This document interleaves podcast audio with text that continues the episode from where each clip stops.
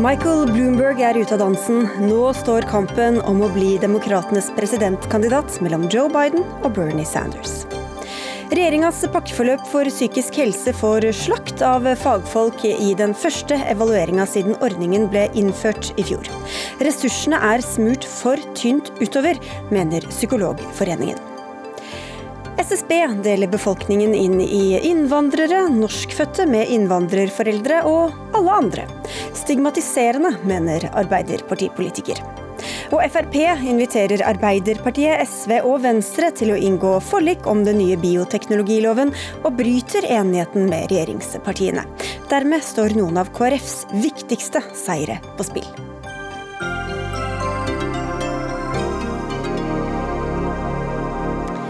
Så hva gjør partiet da, er et av spørsmålene i denne utgaven av Dagsnytt 18 med Sigrid Solund i studio. Michael Bloomberg trekker seg som mulig presidentkandidat for demokratene i USA, og det kan gjøre smilet enda bredere hos Joe Biden, som nå ligger i tet etter gårsdagens supertirsdag, hvor mange av delegatene til sommerens nominasjonsmøte ble fordelt. Biden leder inntil videre valgkampen med totalt 404 delegater, mot Sanders 340, ifølge The New York Times. Veronica Westrin, korrespondent for NRK, befinner deg for øyeblikket i byen Alexandria i Virginia. Bloomberg Bloomberg peker altså på Biden og gir sin støtte til ham. Hva kan det få å si? Det er jo nok en seier for Biden etter denne supertirsdagen. Nå har vi jo sett allerede at Pete Buttigieg og Amy Klobuchar rett før gikk ut og ga sin støtte til Biden.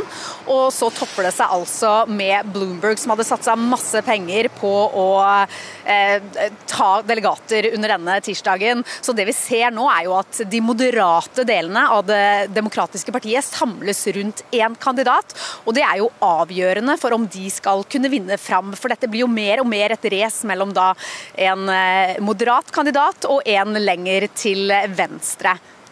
Og så har han jo vist at han har penger, da, ikke minst. Han uh, brukte jo milliarder av kroner i denne valgkampen, så han er villig til å bruke penger og kommer til å fortsette med det. Ja, Det kan jo sikkert komme godt med. Biden vinner jo stort i sørstatene hvor du befinner deg, og du har fulgt kampanjen hans uh, der. Hvorfor er han så populær der?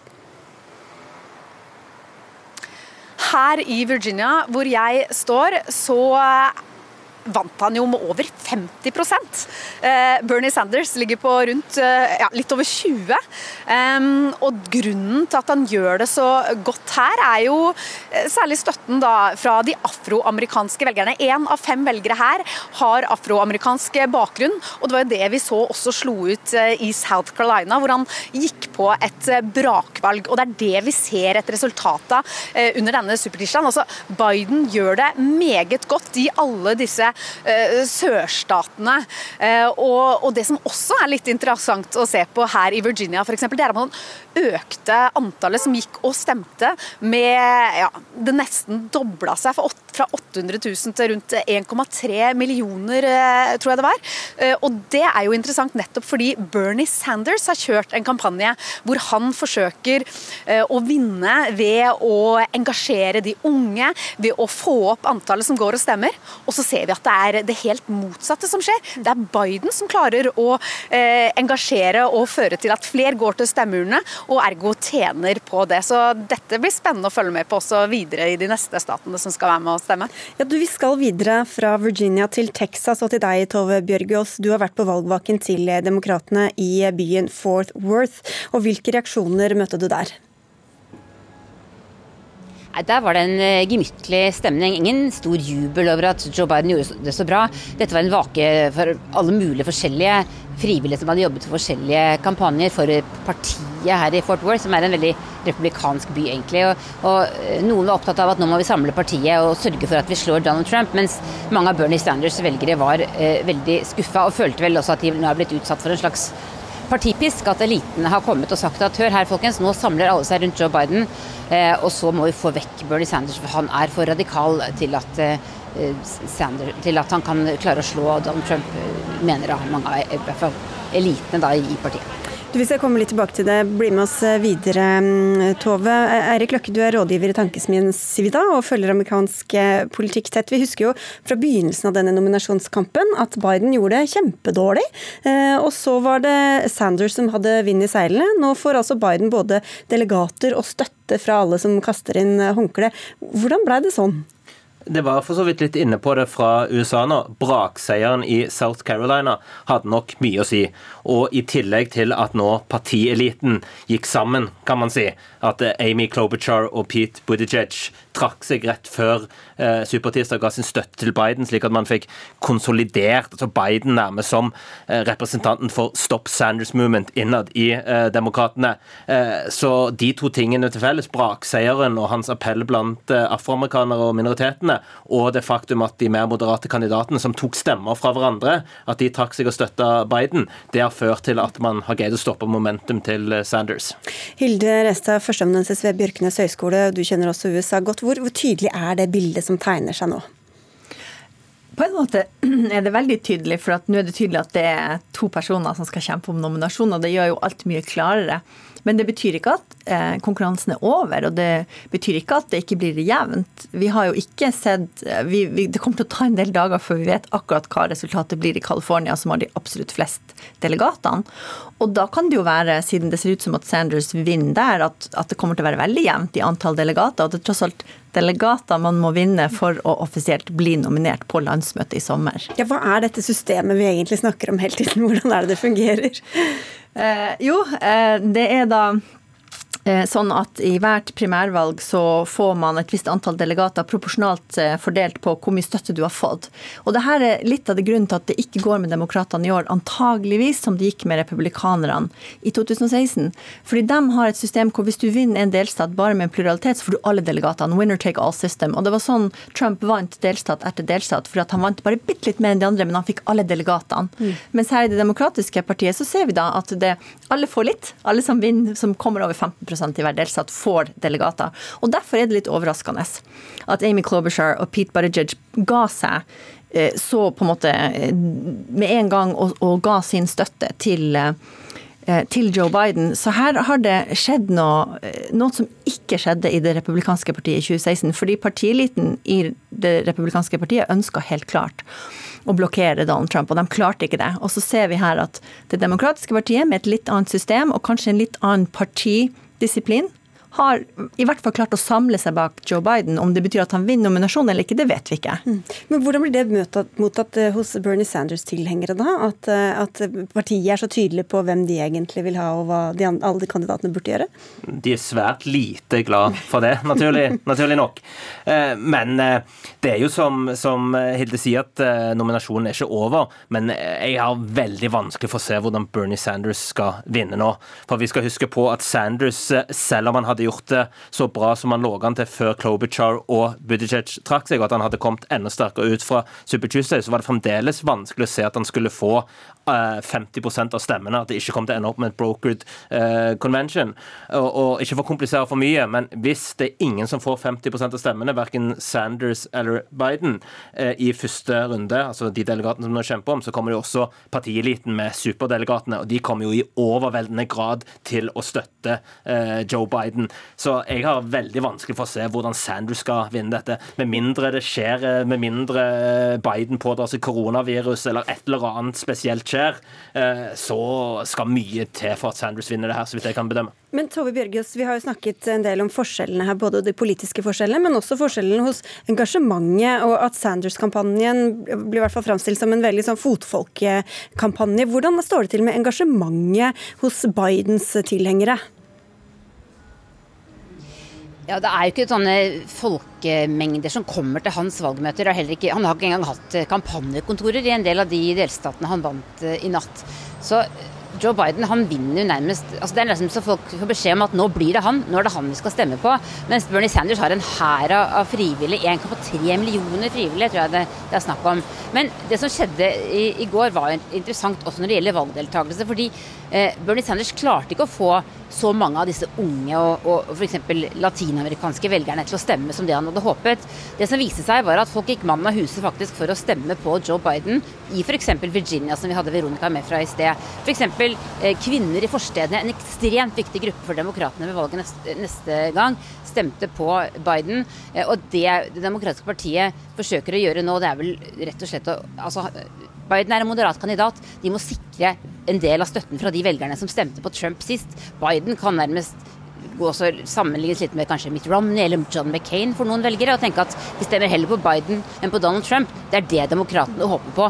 Men i praksis så er det to nesten ulike partier som kjemper mot hverandre i denne demokratiske nominasjonskampen. For agendaen til Bernie Sanders og til Joe Biden er svært ulik.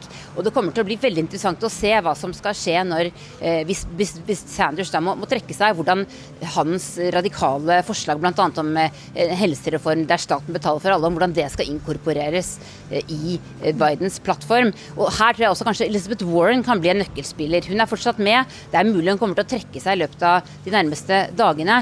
Men vil hun da gå inn for, for Sanders, eller hva vil hun gjøre? Det, det, blir veldig spennende å følge med. Ja, for en overgang. Det var akkurat det jeg skulle spørre om, Erik Løkke. Hvorfor er Elisabeth, Vi snakker om to kandidater, men det er jo faktisk en til, Elisabeth Warren. Hvorfor er hun fortsatt med når alle de andre gir seg? Det er mange som stiller spørsmålstegn ved det, særlig de som støtter Bernie Sanders. Nei, hun hadde jo sikkert et håp om at hun skulle lykkes bedre på Super Tuesday enn det hun gjorde. Nå er det svært vanskelig å se at Elizabeth Warren har noen vei frem til noen nominasjon. Det kan jo være at hun og kampanjen tenker et slags halmstrå at hvis det ender opp med, slik vi var inne på i stad, et brokered convention, at ingen får 50 at hun skal være et slags kompromiss mellom eh, Sanders og Biden, men jeg har veldig vanskelig for å se det. Mitt tips er at hun trekker seg innen få dager. Ja, Det er jeg for så vidt enig i, men jeg er enig med Tove at det blir veldig interessant å se hva Elizabeth Warren så gjør. For hun er på en måte brua mellom Biden og Sanders.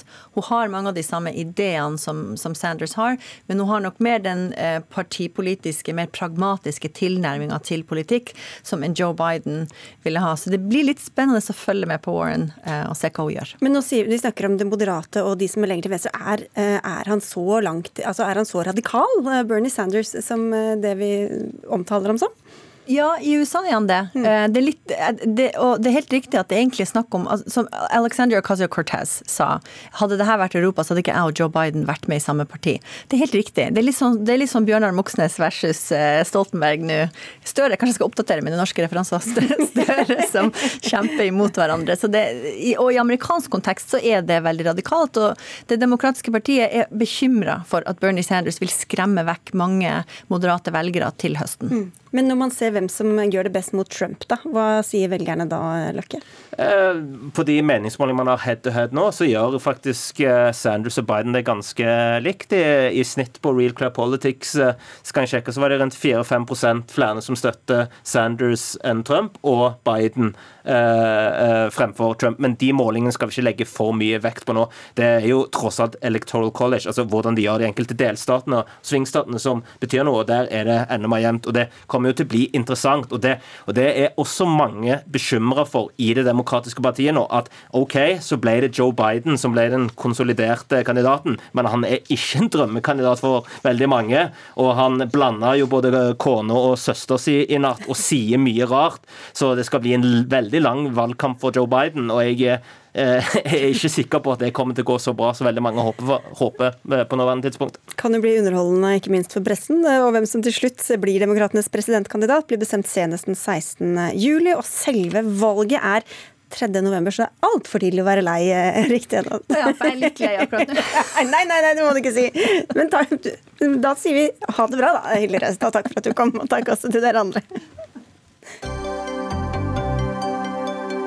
Hør Dagsnytt 18 når du vil. Radio NRK.no.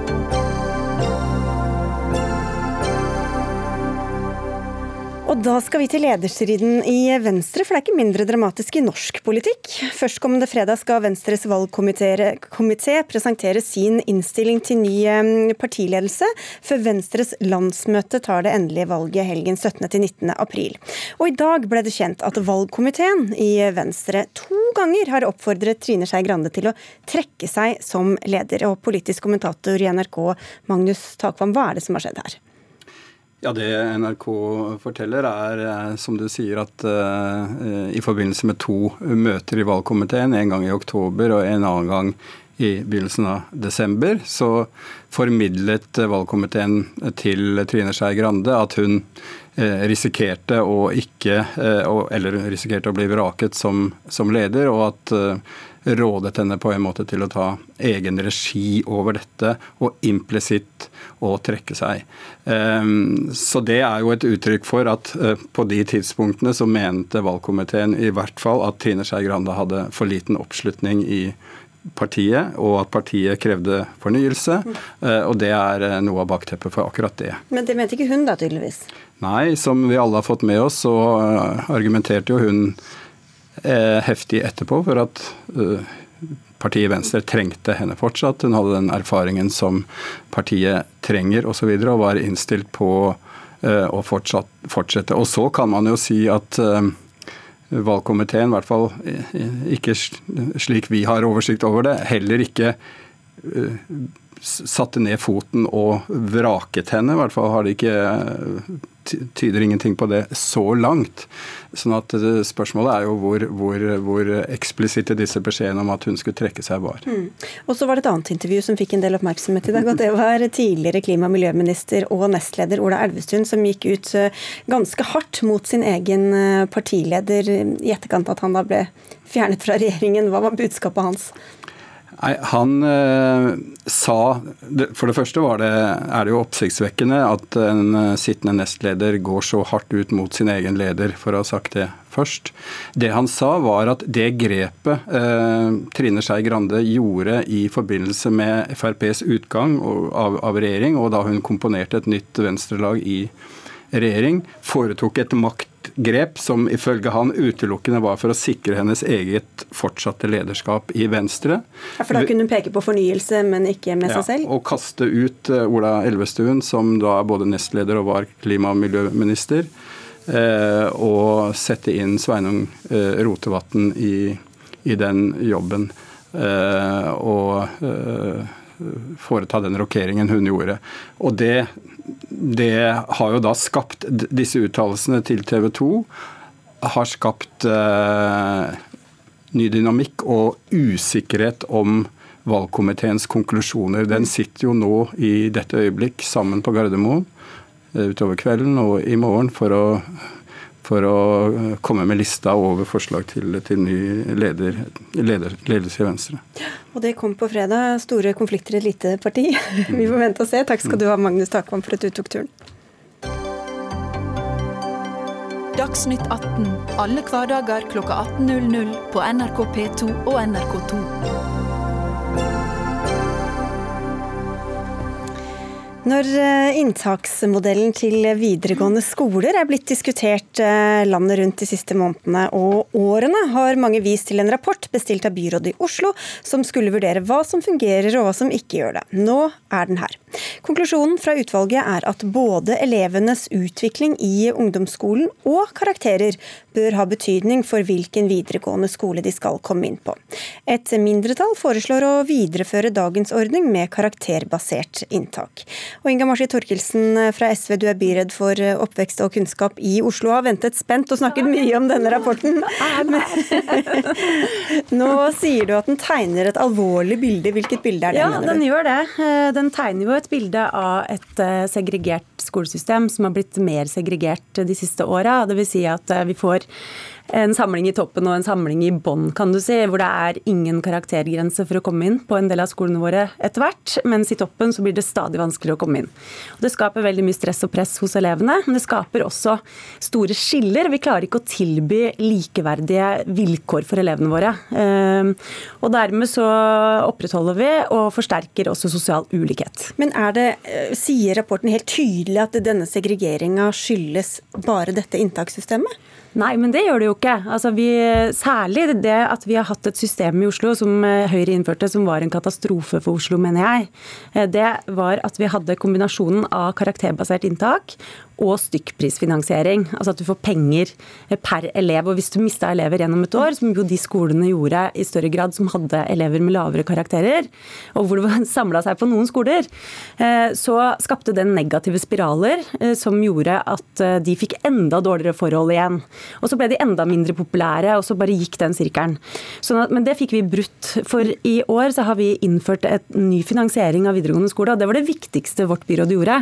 Det neste nå, det er jo da å vurdere inntaksordning, men så må jo vi jobbe hver dag for å unngå å skape fattigdom hos familier, hjelpe okay. familier så godt vi kan, gjøre om på systemer som virker altfor byråkratiske og utilgjengelige og sånn. Det er vår jobb å gjøre. Denne rapporten handler jo om Oslo, men dette er jo eh, et spørsmål i veldig mange av landets eh, fylker. Silje Lutro, du er fraksjonsleder for utdanningsutvalget i Oslo bystyre og representerer Høyre. Og dere sier jo at tid og ressurser er kasta bort på denne rapporten. Men hvorfor er det ikke nyttig å vite hva som virker ved det systemet vi har i dag? Jo, det syns jeg jo absolutt eh, at det er. Men jeg må jo si at jeg tror nok dette er en ganske dårlig dag for byrådet i Oslo. Altså, Dette byrådet har jo gått til valg på å vrake fritt skolevalg. Og så har de, når vi har spurt om hva som er alternativet, sagt at det kommer inntaksutvalget til å peke på. Eh, og nå har inntaksutvalget konkludert, og de konkluderer med at av de ordningene som vi kjenner til i dag, så er fritt skolevalg det beste alternativet. Så nå mener jeg at nå er det på tide at vi legger den ballen død. At vi slutter å tro at systemene kan fikse utfordringene. Er det det de sier da? At fritt skolevalg er det beste? Av de eh, systemene vi kjenner i dag, eller de fordelingsmodellene vi kjenner i dag, så sier de jo at fritt skolevalg er det beste. Ja, Men de kommer jo med nye modeller også, da. Hvorfor skal man ja. ikke ta dem med jo, jo, og det kan man absolutt eh, gjøre. De foreslår jo denne progresjonsbaserte modellen, som ingen egentlig helt vet hva er. Og Det er derfor jeg sier at, eh, at det er en ny modell, fordi det har aldri vært testet før. Finnes ingen steder i verden. Um, det eneste vi vet, er at utvalget ikke vil ha den Stoltenberg-utvalget pekte på. Så dette er helt i det blå, og det kommer til å kreve veldig mye hvis vi skal få til på plass en sånn ordning. Ja, eh, Vi er egentlig veldig fornøyd i dag. Sånn at eh, Jeg vet ikke helt hvor Høyre har vært i dag, men for det første så har vi jo oppnådd noe som var viktig for oss, nemlig å få en kunnskapsbasert debatt. Så Der Høyre avviste at vi skulle ha et sånt utvalg i det hele tatt, for de hadde konkludert allerede. Eh, og på vegne av hele landet, viser det seg, for nå skal de tvinge denne modellen på hele landet. Hvilket reiser enorm motstand, så jeg håper de legger den død. Men eh, nå har vi fått eh, et kunnskapsgrunnlag å foreta en opplyst debatt på grunnlaget av. Og det er jeg kjempeglad for. Og så er det jo heller ikke riktig at byrådet som sådan har gått til valg på å skrote dagens modell. Det er ikke riktig. Vi har gått til valg på ulike partiprogrammer. SV ønsker seg et alternativ. Eh, og det jeg mm. tror at det som har skjedd nå, er jo at flere og flere ser på grunnlag av de problemene som utvalget nå har dokumentert, så er det flere og flere som ser at vi trenger en annen løsning enn den vi har i dag. Vi har med en som har sittet i utvalget. Det er deg, Edvard Botli Udnes. Du er fylkesleder i Oslo for Elevorganisasjonen og satt altså i dette utvalget. Hva håper du kommer ut av det? Det jeg håper kommer ut av uh, denne rapporten, det er en god utredning av de modellene vi har foreslått, og spesielt den progresjonsbaserte.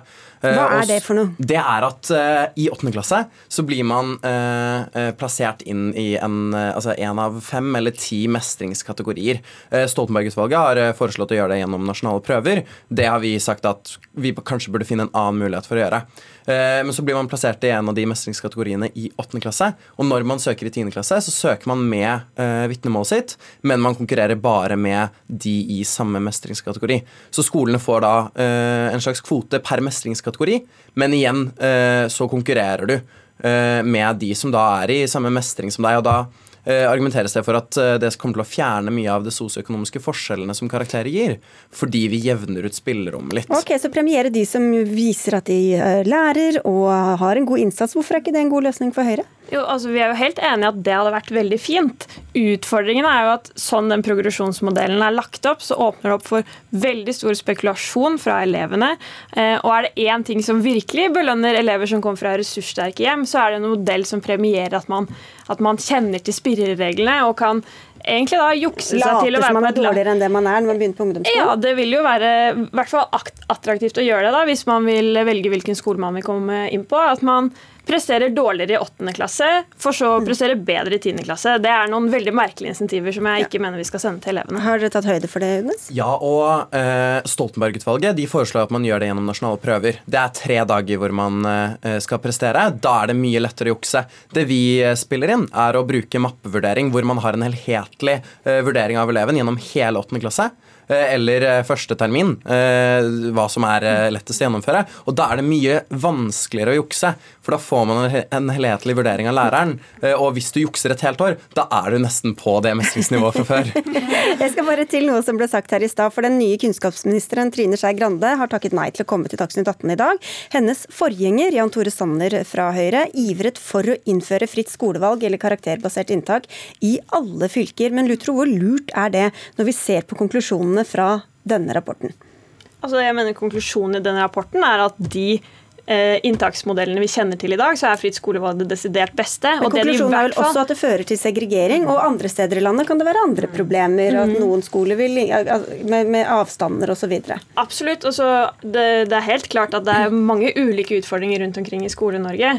Eh, men jeg tror mye av bakgrunnen for det forslaget som er kommet i Stortinget, er nettopp det at venstresiden eh, i år etter år har prøvd å vrake fritt skolevalg, vrake elevenes valgfrihet. Eh, og jeg mener at det er så viktig at elevene i hvert fall har to skoler å velge mellom. Eh, at det burde være en elevrettighet i, i hele landet. Eh, men så må jeg jo si at som lokalpolitiker i Oslo, så er det ikke mitt mandat å mene så veldig mye om hva, hvordan de vil gjøre det rundt i, i resten av landet. nei, men det- men jeg er i hvert fall ikke i tvil om at Partikollegaen din vil jo det, da. Ja, ja. Og det, altså, de som sitter på Stortinget, må forvalte Stortingets oppgaver. Ok, Du har sittet begge steder. Jeg gir ordet videre til ja, ok, det var veldig Nei, galant. Jeg kommer jo fra landsmøtet vårt nå på Jessheim, eh, hvor et forslag om eh, nasjonalt fritt skolevalg nettopp ble stemt ned. Eh, og med overveldende flertall også. Eh, og det viser at elevene eh, i Norge de vil ha lokal selvbestemmelse, fordi vi skjønner at fylkene de har forskjellige utfordringer. Og det å liksom, som regjeringspartiene gjør i denne debatten, å ta på seg en elevforkjemperrolle og sørge for elevrettigheter og elevenes valgfrihet når Elevorganisasjonen er mot dette forslaget, syns jeg blir litt rart. Det eh, å gi oss mulighetene til å eh, lage bedre modeller eh, i fylkene, som vi nå prøver i Oslo, vi er veldig aktive på, det er jo å gi oss mer spillerom, det er å gi oss mer valgfrihet. Ok, du skal få svart på den. så skal- Ja, altså jeg mener at elevperspektivet er utrolig viktig å løfte fram i debatten. Eh, og hvis vi snakker om Men hvorfor Oslo lytter dere ikke til elevene, da, som vil ha at, at lokalpolitikerne I dette tilfellet, i Oslos tilfelle, så er det jo da de rød-grønne skal få bestemme dette selv. Ja, altså Konklusjonen i denne rapporten er i hvert fall helt overveldende. Um, elevene støtter fritt skolevalg som Oslo har det i dag, og det vet vi jo fra mange spørreundersøkelser tidligere. Så, så det er det jo ikke så veldig mye, mye tvil om. Em, det viktigste er at vi lytter til elevene. Ok, dere, vi har snakket om den rart. jeg skjønner, men jeg skulle egentlig spørre deg Torkelsen, på tampen her. fordi det er jo ikke sånn, det, Nå sier Høyre at det, det kommer jo ikke med en fiks ferdig modell, ny modell. Mm. Men det er jo det dere har jo venta på hvis, å se hva dette utvalget kommer fram til. Så hvem skal egentlig lage den modellen? Hvem er det som skal bestemme hva dere faktisk vil gå inn Ja, for? det er klart det hadde vært deilig for oss hvis de bare sa sånn bør det være. Og så var vi veldig klar over at det kanskje ikke kom til å skje. Vi ga dem også et veldig vanskelig mandat hvor det var mange ting de skulle vurdere. Og det er politikernes ansvar til syvende og sist å vurdere hvilke verdier er det vi setter øverst. For vår del som byråd så er det viktig at vi klarer å skape likeverdige utdanningsvilkår for elevene våre, og at vi skal utjevne forskjeller er viktig. Men hvordan veit dere ikke ennå? Eh, Nei, men eh, Det som er spennende med utvalget, da, det er at de gjør jo noe annet enn det Lutro fra Høyre her påstår. De peker jo alle unntatt én i retning av noen alternativer.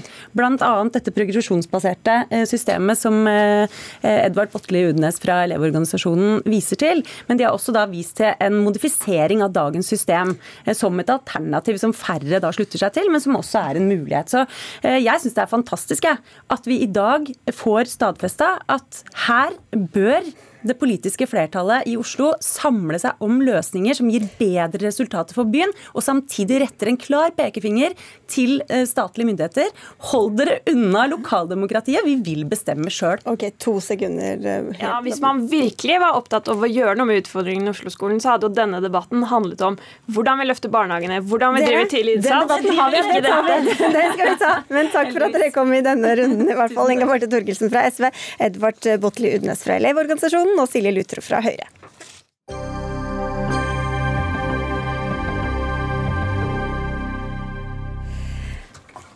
Skal vi se. Snart skal vi diskutere bioteknologi og en helt ny kurs fra Frp her i Dagsnytt 18, men først. Hvor lenge skal man kategoriseres som barn av innvandrer, og når er man simpelthen nordmann på linje med andre?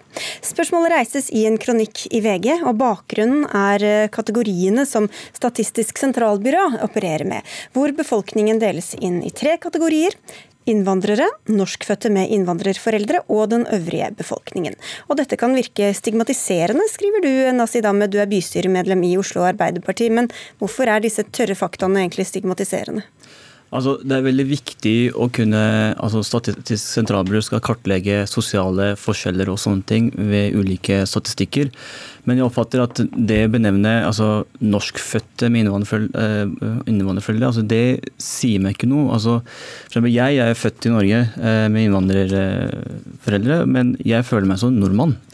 Det å liksom si at norskfødte innvandrere blir plassert i en større kategori som innvandrere, som da gjør at eh, vi blir da ikke vi, Altså vi får eh, svekket eh, vårt bånd med vårt fødeland Norge.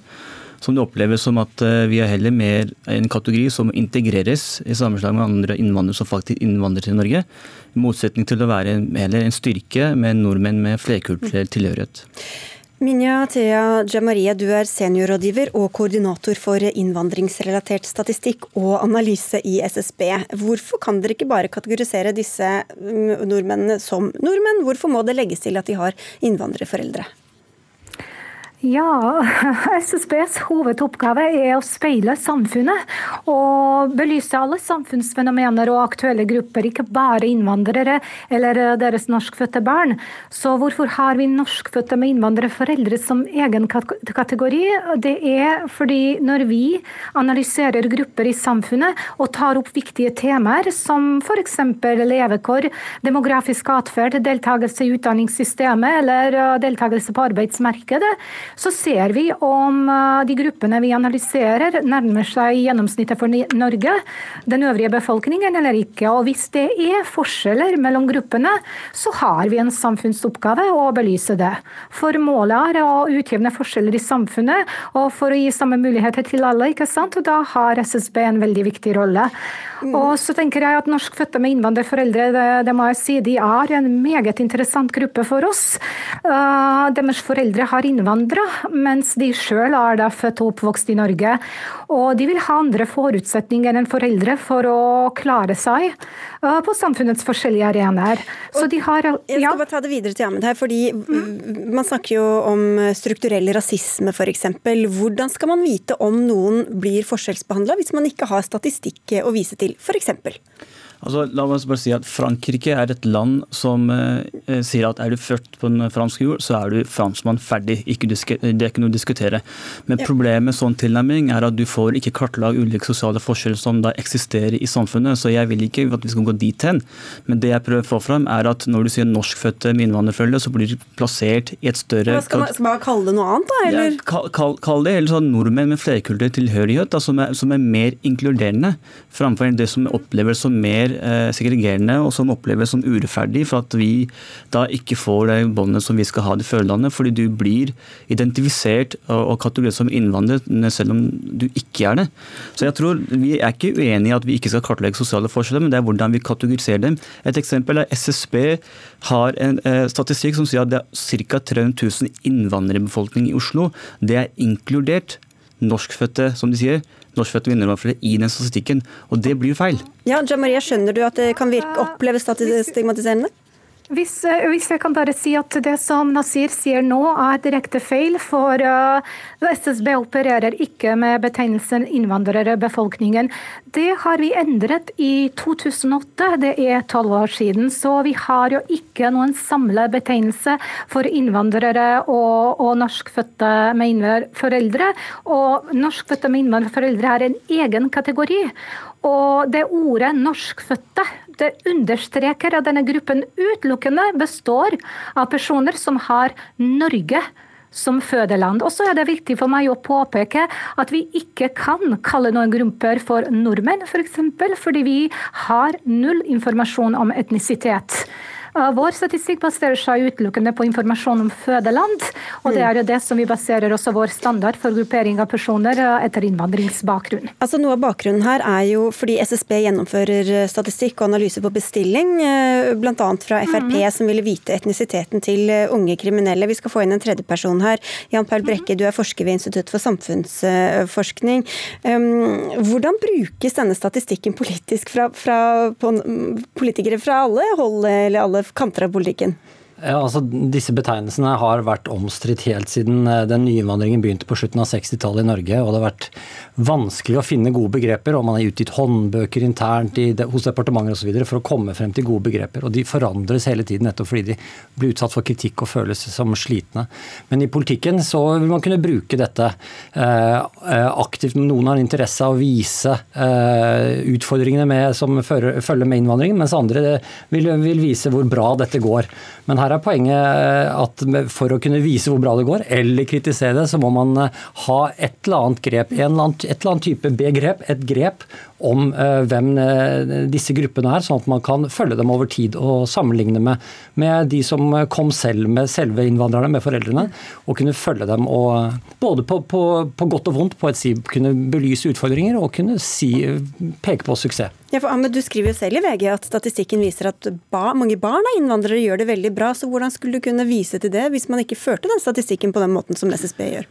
Altså, som jeg sier, Vi skal kunne påpeke hvordan det går med dem. Det er igjen hvordan du kategoriserer dem. og det som SSB sier er at Jeg henter denne, altså denne kategorien fra en fotnote fra eget deres skjema fra 2018, hvor de faktisk plasserer norskfødte inn i innvandrerkategorien. Og så er det sånn at den, den kronikken jeg skrev mot Sylvi Listhaug og Helgem om denne saken, som, som handler mer om ungdomskriminalitet, så bruker da også eh, de statistikken og slik det kategoriseres at eh, dette er også inkludert norskfødte med innvandrerbarn. Og Da bruker disse politikerne bevisst det begrepet, og så får det til å omhandle ungdomskriminalitet som voldelige innvandrerbarn. Og de som er født i Norge, de oppleves ikke som innvandrerbarn. De er norske, og de er nordmenn som er like med Ola, Kari eller Kristian, dem jeg er vokst opp med. Mm. Ja, Maria, ikke til dette eksempelet spesifikt, men opplever dere at eh, statistikken blir eh, misforstått eller misbrukt, brukt i det politiske ordskiftet? Ja, jeg må jo bare si at oppdragsvirksomhet er en sentral del av vårt arbeid. Og vi, vi leverer ut tall til brukere som måtte ønske det. Og det kan dreie seg om enkle henvendelser basert på tidligere publiserte tall, eller det kan være spesialbestillinger hvor eh, det har vært nødvendig å koble data fra forskjellige kilder.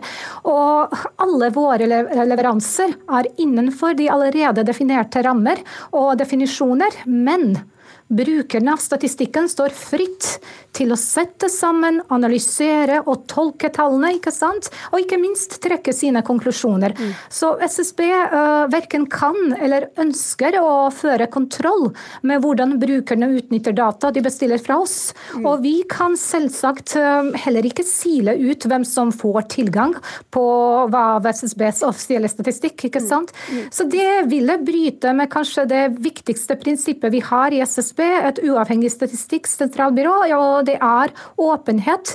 Og det er også tilgjengelighet til våre data.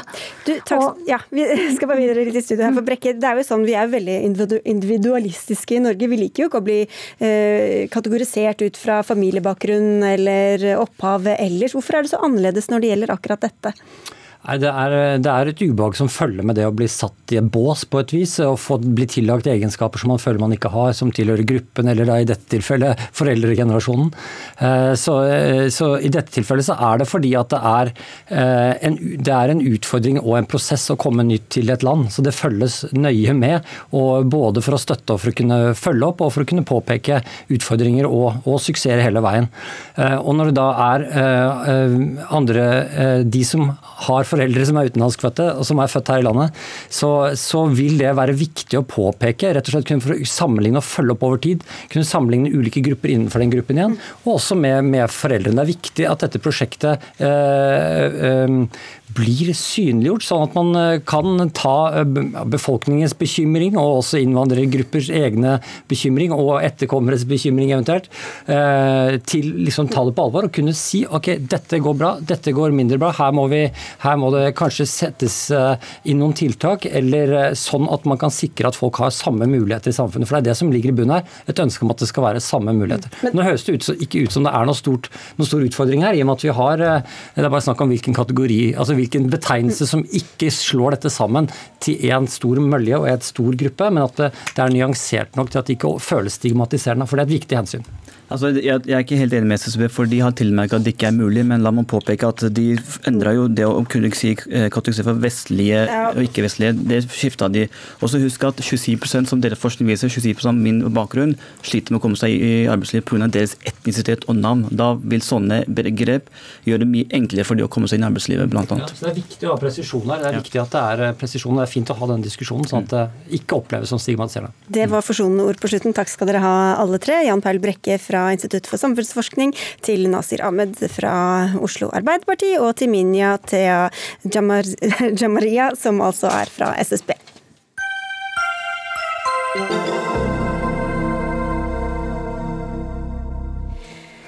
Pakkeforløp for psykisk helse skulle gi bedre forutsigbarhet, medvirkning for pasientene og et likeverdig tilbud i hele landet. Det var i hvert fall målet da det ble innført for ett år siden. Med pakkeforløpene fulgte tidsfrister både for utredning og tid på venteliste. Men fredag kom den første evalueringen av ordningen, utført av Sintef, og her får pakkeforløpene slakt fra fagfolk som jobber med psykisk helse, skriver Dagens Medisin. Et stort flertall mener at pakkeforløpene ikke bidrar til å oppnå de satte målene.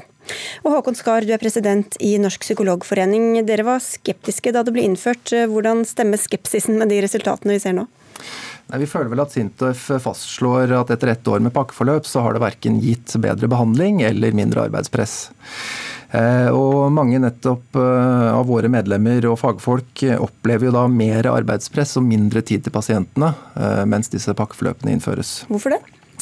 Eh, jeg tenker det at det er nok et system som innføres, i tillegg til veldig mange andre registreringssystemer som eksisterer i helsevesenet. Eh, og alt dette medfører jo at det blir mindre tid til pasientene. Mm. Og det er klart at når man innfører nye systemkrav, samtidig som man innfører krav om redusert ventetid og redusert avslagsprosent, så blir jo det å smøre tynnere utover. Statssekretær Inger Klippen, du er fra Helse- og omsorgsdepartementet. Hvorfor tror dere at får så dårlige tilbakemeldinger? Nå er dette en rapport etter ni måneder, og det er en veldig stor omveltning. Så det er klart at her er det en del arbeid som skal gjøres. Så eh, at eh, de som jobber med utredning og behandling i psykiatrien, opplever at dette har vært en, en økende belastning, det tar vi på, på største alvor. Eh, og så er det òg sånn at med innføring av det pakkeforløpet, så er det flertallet av de som utreder, sier òg at selve utredningen har blitt mer strukturert, og pasientforløpet har blitt mer strukturert. Men en bruker tid på koding og merkantile oppgaver. Og det tenker jeg at det er viktig at eh, vi tar inn over oss og, og og får gjort noe med. Så det som vi har gjort, er at vi har gitt eh, helseregionene og Helsedirektoratet i oppdrag å få gjort noe med IKT-systemet og koding, sånn at det skal ikke stå på kodingen, at det skal ikke være det som er problemet. Men da skriver du Inger Merete Hobbelstad, i kommentator i Dagbladet, at pakkeforløpene sliter ut eh, psykologene. Ja, og det som jeg syns var interessant da jeg jobbet med nettopp den kommentaren, fordi da snakket jeg med psykologer og psykiatere som jobber egentlig i forskjellige deler av landet og hadde forskjellige stillinger, og, og jeg ble slått av at jeg fikk den samme historien overalt. Altså Alle fortalte om at de var overarbeidet, at de følte på et sterkt tidspress, og at de følte at de ikke klarte å gi så god behandling som de ønsket å gi. Og jeg hørte også flere historier om folk som eh, egentlig ønsket å jobbe i det offentlige, som syntes jobben var svært meningsfull, eh, men som hadde søkte seg over til det private eller vurderte å gjøre det, rett og slett fordi de ikke orket å stå i det arbeidspresset lenger og rett og slett føle, føle seg uh, utilstrekkelig. Og Dette hadde jo med flere ting å gjøre. Jeg snakket med veldig mange som hadde stor respekt for intensjonen bak pakkeforløpet. For du kan si at Noe av dette har jo å gjøre med at, at, når du kommer inn i dette systemet, så skal det være litt forutsigbart hva du får ikke sant? og hva du kan forvente. Du skal ikke være prisgitt hvis du kommer til en eh, effektiv behandler eller en behandler som tar andre veier. Du skal, du, skal, kunne forvente oppfølging innenfor en, en viss tid og, og, av en viss eh, type. Eh, men dette systemet ble opplevd som veldig veldig rigid. Blant annet så, så, er det jo stipulert at pasienter skal utredes i, i løpet av seks uker. Og du kan si at Hvis det kommer inn en person med en lettere psykisk lidelse, så fortalte mine kilder meg, da, så er det ofte god ressursbruk. ikke sant? Det er et kort, effektivt forløp som kan hjelpe mange. Men så er det ganske mange som har mer komplekse, er i mer komplekse situasjoner enn det. Har, har mer komplekse historier. Det er kanskje barn som ikke er så vant til å snakke om følelsene sine, eh, og som rett og slett tar lengre tid å utrede. Trenger, de trenger å følge med på dem lenger, eh, trenger å bruke mer tid på det. Og det når man da må avslutte behandlingen, sette en diagnose for tidlig, så er det noe som, som føles veldig veldig belastende for samvittighetsfulle fagfolk. Du har jo erfaring selv, eh, også fra som Jeg har erfaring. Jeg, har til og med, jeg satt og fulgte ut denne evalueringen sjøl eh, som psykiater på, men, ja, på men, SUS. Men, men er det, er det egnet for kompliserte jeg, jeg vil, psykiske lidelser å drive med dette pakkeforløpet? Jeg vil først bare poengtere at det er ikke sånn at en må sette en diagnose etter seks uker. En har først en innkomstsamtale, og så lager en en behandlingsplan som brukeren eller pasienten skal være med på å ha innsyn i hva som skal foregå. Og etter seks uker så skal han ta en fot i bakken og, og skrive noe i journalen om hvor langt en har kommet i forbindelse med utredning, og snakke med pasienten om hvor er det vi står henne i dag. Hvis en da har en diagnose og vet at nå er vi i grunnen ferdige med det vi skulle utrede, og vi er klar, eh, til, eh, klar med diagnose, så er det kjempefint. Og hvis en ikke har kommet dit hen, hvis det er komplekst og vanskelig, så er det sånn at da fortsetter en. Da, skriver en det. At det, dette her trenger videre utredning. Så da kan en eh, jobbe en videre i seks uker, som da er neste milepæl, for å ta en fot i bakken og se hvor står vi hen i dag. Altså, så, det er ikke, det er noe, så, det er ikke, noe, krav om at men, vi må være ferdige etter seks uker. Flere reprimande pga. at de ikke er ferdige. Okay, men Hva er din erfaring, eller deres erfaring fra Psykologforeningen, Skar? Hvem er det dette går utover? Jeg tenker jo det at eh, Hobbelstad sin kommentar eh, var jo veldig gjenkjennelig for mange av våre medlemmer. Eh, vi gjennomførte jo en medlemsundersøkelse i fjor hvor vi spurte 2400 psykologer i psykisk helsevern og tverrfaglig spesialisert rusbehandling om hvordan de opplevde vilkårene for å gi behandling. Og der var det jo svært mange som rapporterte at de ikke hadde tilstrekkelig tid til å gi god nok utredning eller god nok behandling, og at de var nødt til å avslutte pasienter før de var ferdigbehandlet, eller at de var nødt til å treffe dem såpass sjelden at behandlingen ikke hadde tilstrekkelig effekt. Og jeg tenker at uh, dette her er en situasjon som er en sum av mange faktorer. Sånn at Det vi er opptatt av, er jo at nettopp pakkeforløpene har veldig mye godt bak seg, og veldig mange gode intensjoner. Og vi er veldig positive til at Helsedepartementet nå sier at de ønsker å se på IKT-systemene og koding. Eh, for det er klart at vi har store IKT-utfordringer i helsevesenet, også i psykisk helsevern. Eh, og redusert dokumentasjonskrav eller redusert koding er jo noe som har blitt snakket om lenge, også tilbake til forrige regjering.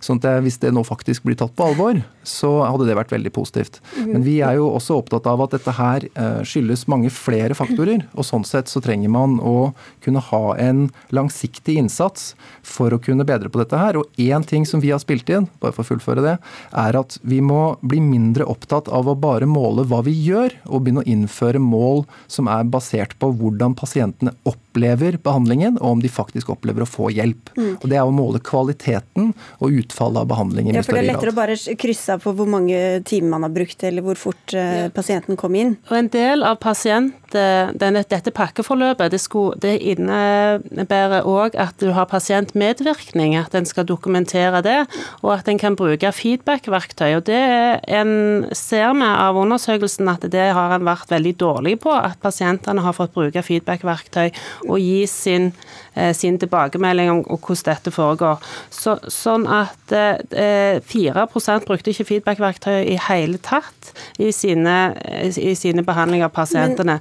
Men, Men denne her, eh, det at eh, behandlerne som utreder at de har, er overarbeida og kjenner på et stort press, det tar vi på største alvor. Og vi vi bruker pakkeforløpet til å se på hvor er det flaskehalsene er henne. Hvor er det vi kan eh, gjøre noe for at både behandlerne skal kunne gjøre jobben sin på, på det som er en god og tilfredsstillende måte, opplever de sjøl, men òg for pasienten. Ja, for Det kommer flere evalueringer, men Hobbelstad, du skriver at dette, skape, at dette skaper svingdørspasienter. altså At man kommer inn, og så kommer man ut igjen, og så inn og ut. Ja, rett og slett fordi både pasienter og behandlere opplever at de er ikke ferdige, da, men de er på en måte nødt til å avslutte behandlingen fordi og nå hører jeg det som sies her, at, og det er også en åpning i systemet for at man kan søke om lengre tid, men jevnt over er det det som er regelen. Og som, som sagt, folk jeg har snakket med, har opplevd og fått liksom reprimander enten direkte eller på en måte indirekte av systemet hvis man ikke er ferdig når man skal være. Og du kan si at Hvis man må stanse da nesten da midt i et forløp, hvis man ikke føler at man har fått gjort nok, så er det klart at da er det uløste problemer som gjør at, at den pasienten vil ha dette med seg i, i hverdagen og, og, ikke ha løst dette. Og jeg synes for øvrig også det er verdt å nevne at, at litt av grunnen til at dette også oppleves problematisk, tror jeg, er at det er kommet inn også kontroller og liksom overvåkninger også på andre felt. Da. Det har kommet en sjekkliste for, for forebygging av selvmord som har vært, ganske mye debatt rundt. der det er liksom sånne Mange opplever at det er en sjekkliste de må gå gjennom.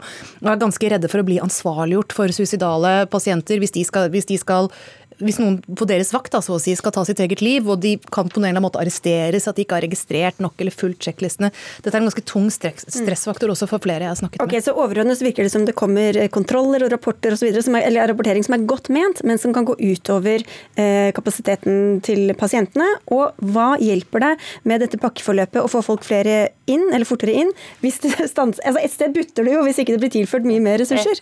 Et, et jeg har bare lyst til å kommentere én ting. En skal gjøre en god faglig eh, vurdering i forhold til selvmord. Kan du ikke svare på det? Jeg spurte om, for nå har vi bare 20 sekunder igjen. Det er ikke en sjekkliste en skal fylle ut, bare sånn at eh, du vet det. I forhold til flaskehalser og hvordan en skal gjøre ting, så er pakkeforløpet med på å tydeliggjøre hvor, hvor skoen klemmer. Hva er det en trenger av ressurser, hvordan er det en skal fordele ressursene, hvor er det en, en, en må legge inn innsatsen.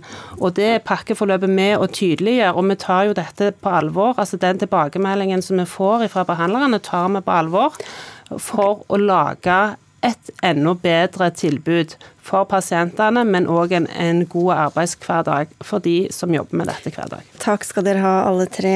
Inger Klippen som er statssekretær i Helsedepartementet, Håkon Skar fra Norsk psykologforening og Inger Merete Hoppelstad, kommentator i Dagbladet. Hør Dagsnytt 18 når du vil. Radio NRK Radio.nrk.no.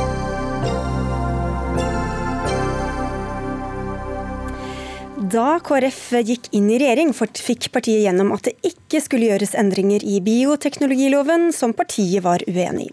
Dermed var både eggdonasjon, tidlig ultralyd og assistert befruktning for enslige utelukket, selv om både Frp og Venstre egentlig ønsket en liberalisering. Og flere med dem, kan vi også si. Nå har Frp bestemt seg for å bryte kompromisset fra Granavolden, skriver VG. Og Åshild Brun Gundersen, du er helsepolitisk talsperson for eh, Frp. Du har sendt en invitasjon i dag til Arbeiderpartiet, SV og Venstre å bli med på et forlik om den nye loven, som altså skal behandles eh, på Stortinget i år. Eh, bare noen av forslagene. Tidlig tillate eggdonasjon på linje med sæddonasjon, avvikle abortnemndene, tidlig ultralyd til alle, assistert befruktning for enslige. Det er ganske dramatiske endringer dere går inn for her? Ja, Dette var jo ikke om abort, det var jo bare bioteknologi. Eh, men eh, Fremskrittspartiet sitter ikke i regjering lenger. Partilederen vår har gjort det klart at Fremskrittspartiet i Stortinget skal ikke være en rundingsbøye for regjeringa. Vi kjemper for Fremskrittspartiets politikk. Og Nå har vi gått en eh, grundig runde på bioteknologi. For oss så handler det altså om å gi tryggere og bedre helsehjelp til kvinner og familier i Norge som er ufrivillig barnløse og som trenger kunnskap om svangerskapet sitt. Bioteknologiloven er overmoden for endringer. og Den har ikke vært endra på 16 år, siden Jon Alvheim fra Fremskrittspartiet var opptatt av disse PGD-nemndene. Eh, og nå gjør vi viktige endringer som kommer til gode for eh, ufrivillig barnløse familier. Det er altså en liste med, med, forslag her, men Geir Jørgen Bekkevold eh, fra Kristelig Folkeparti, du leder helse- og omsorgskomiteen på Stortinget. Hvis, hvis, dere ser på forslagene som helhet, hva slags system mener dere at Frp legger opp til da? Nei, Dette er, som eh, Frp selv sier, en, en eh, utstrakt liberalisering av eh, bioteknologiloven. Og de fremmer jo også forslag som ikke er utredet. Slik at det blir jo spennende å se hvordan ikke minst de partiene Frp har invitert til et forlik, vil forholde seg til det enkelte forslagene her. Eh, bare sånn til, til, eh, sakens opplysning. Det er ikke slik at fordi KrF sitter i regjering, så har vi stoppet all endring av bioteknologilov. Faktisk var det sånn når vi satt på Granavolden og forhandlet, så ble det brukt mye politisk kapital fra alle fire partiene til å komme fram til den enigheten vi kom fram til. Og den loven vi har til behandling i Stortinget i dag, inneholder faktisk 21 endringer. Så det er ikke sånn at alt står stille, selv om KrF har, eh, sitter i regjering. Men det var ting som var viktig for oss, som vi fikk gjennomslag for. Og jeg tenker at veldig mange av de forslagene her viser jo hvilke seire KrF fikk i Granavolden, eh, men som det nå og da er eh, åpnet opp for å diskutere igjen. Så det blir, men som sagt, det blir spennende å se hvordan de andre partiene som har invitert til dette forliket, vil forholde seg til enkeltforslag. Men du er enig Brun Gundersen, at dette er en, et stort eh, skritt i liberaliserende retning? Ja, altså, I hovedsak så er det et eh, riktig steg eh, på veien for å gi eh, familier som er ufrivillig barnløse, god og trygg helsehjelp her i Norge. Det er ikke bare den delen, det gjelder jo mange andre også? Ja da, vi har fremma en masse forslag som har vært viktige for Fremskrittspartiet. Som er liberaliserende, det er du enig i? Ja, og jeg er stolt av de endringene Fremskrittspartiet fikk til i Granavolden. Og jeg er veldig stolt over de endringene vi, vi kommer til å legge frem nå. Jeg gleder meg bl.a. til å legge frem forslag om å tillate eggdonasjon i Norge. Man har altså tillatt sæddonasjon i over 90 år. Men kvinner som har egg som ikke er befruktningsdyktige, de har ikke hatt tilgang til å men få donasjon av egg. Men Går dere inn for det også, eller? Vi står fast ved et forbud mot surrogati, så det er ikke det det snakker om. Det snakker om familier som er ufrivillig barnløse, skal få tilgang til enten sæddonasjon mm. eller eggdonasjon for å sørge for at man får altså oppfylt drømmen om å få egne barn. Men det, mye gjelder jo ganske mange her. Altså, Bekkevold, flere av forslagene handler jo også om å gjøre gravid i stand til å uh, få vite mer tidlig i mm. svangerskapet. Enten det gjelder kromosomfeil, alvorlig sykdom eller om man har flere fostre. Uh, det vil jo kunne gjøre svangerskapene tryggere og hindre flere senaborter. Hvorfor, ikke, hvorfor går ikke KrF inn for den? Du, du, peker jo på av de, en av de konsekvensene ved f.eks. å åpne opp for tidlig ultralyd, nemlig det å på en måte skulle lete etter kromosomfeil. Uh, og, og, Hvis man åpner opp for det, så er det et linjeskifte i hvordan man har tenkt det nå. Altså Nå har vi ultralyd mellom uke 17 og 19, og det er for å se at både mor og barn har det bra.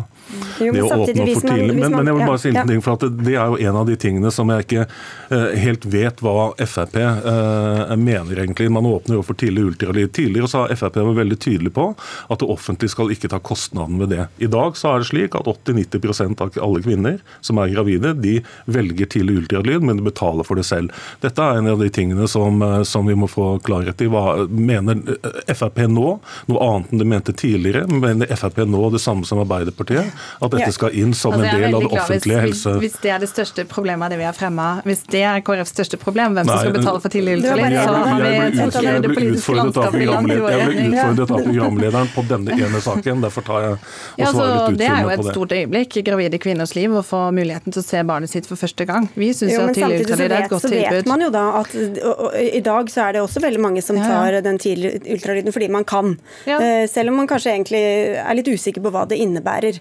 Hvorfor er dette god bruk eh, både av helsevesenets midler og skattebetalernes penger? Vi har ikke gått inn i diskusjonen om hva det offentlige skal betale. hvis det gir hva bør være tillatt og lov i Norge. Den diskusjonen skal vi selvfølgelig komme. Men jeg har lyst til å peke på én ting som jeg ikke forstår med KrF, og det er disse fostervannsprøvene. Man tvinger altså eh, kvinner i risikosvangerskap til å vente fem måneder inn i svangerskapet sitt før man kan ta en fostervannsprøve. Fostervannsprøven i seg selv øker risikoen for spontanabort, men den gir også svar på om barnet har alvorlig sykdom, gjerne sykdom sykdommer som ikke er forenlig med liv. Det vil KrF altså sørge for at kvinner skal vente fem måneder. Det, det Man kan erstatte det med en blodprøve. Jo, en blodprøve som er helt risikofri, og den vil ikke dere tillate Nei, men, men eh, det som har ligget på bordet tidligere som forslag, det er å åpne opp for at alle skal kunne få denne NIPT-testen. Eh, det som dere ramler inn med hvis jeg, forstår, hvis, jo, hvis, jeg forstår, hvis jeg forstår deg riktig, og Frp riktig, eh, så skal den kunne gis på medisinsk indikasjon. Eh, det vil si at de som i dag får KUB-testene eller, eller, må ta okay. fostervannsdiagnostikk, eh, de, de, eh, skal nå kunne på en måte veksle den inn med NIPT-test. Vi kan sette oss ned og diskutere det. Spennende. Det er første gang jeg har hørt. men, men, men, det er noe helt annet enn å åpne opp for at alle skal kunne få det. Ja, og dette er jo et veldig sentralt punkt på mange av disse tingene, som vi ikke rekker, dessverre, for det er så kjempestore punkter som vi ikke får diskutert. Men Bekkevold, det er jo sånn da regjeringa med KrFs velsignelse sier vi styrer fortsatt på Granavolden, som Frp var med på å bestemme. Mm. Angrer du litt på det nå, når du ser hvilken vei Frp går? Eh, vi styrer på Granavolden, og dette handler ikke om å, hange, eh, om å, angre. Dette handler om å prøve å ha en stø kurs. Eh, og jeg er veldig glad for at Venstre også har i dag tydeliggjort at det er på Granavolden vi styrer. Så kommer det Dette vil være en av sikkert veldig mange diskusjoner vi kommer til å ha med Frp på mange områder, har jeg skjønt. Men, men vi styrer på Granavolden, og det er der vi er i dag. Vi gleder oss til fortsettelsen. Takk skal dere ha, begge to. Geir Jørge Bekkevold fra KrF og Åshild Brun Gundersen fra Frp. Dagsnytt 18 er over for i dag. Vi ses og høres igjen i morgen. Dag Dørum var ansvarlig for innholdet, Hilde Toster hadde det tekniske ansvaret, og jeg heter Sigrid Solund og ønsker takk for nå. Ønsker takk for nå, det ble litt feil. Ønsker god kveld.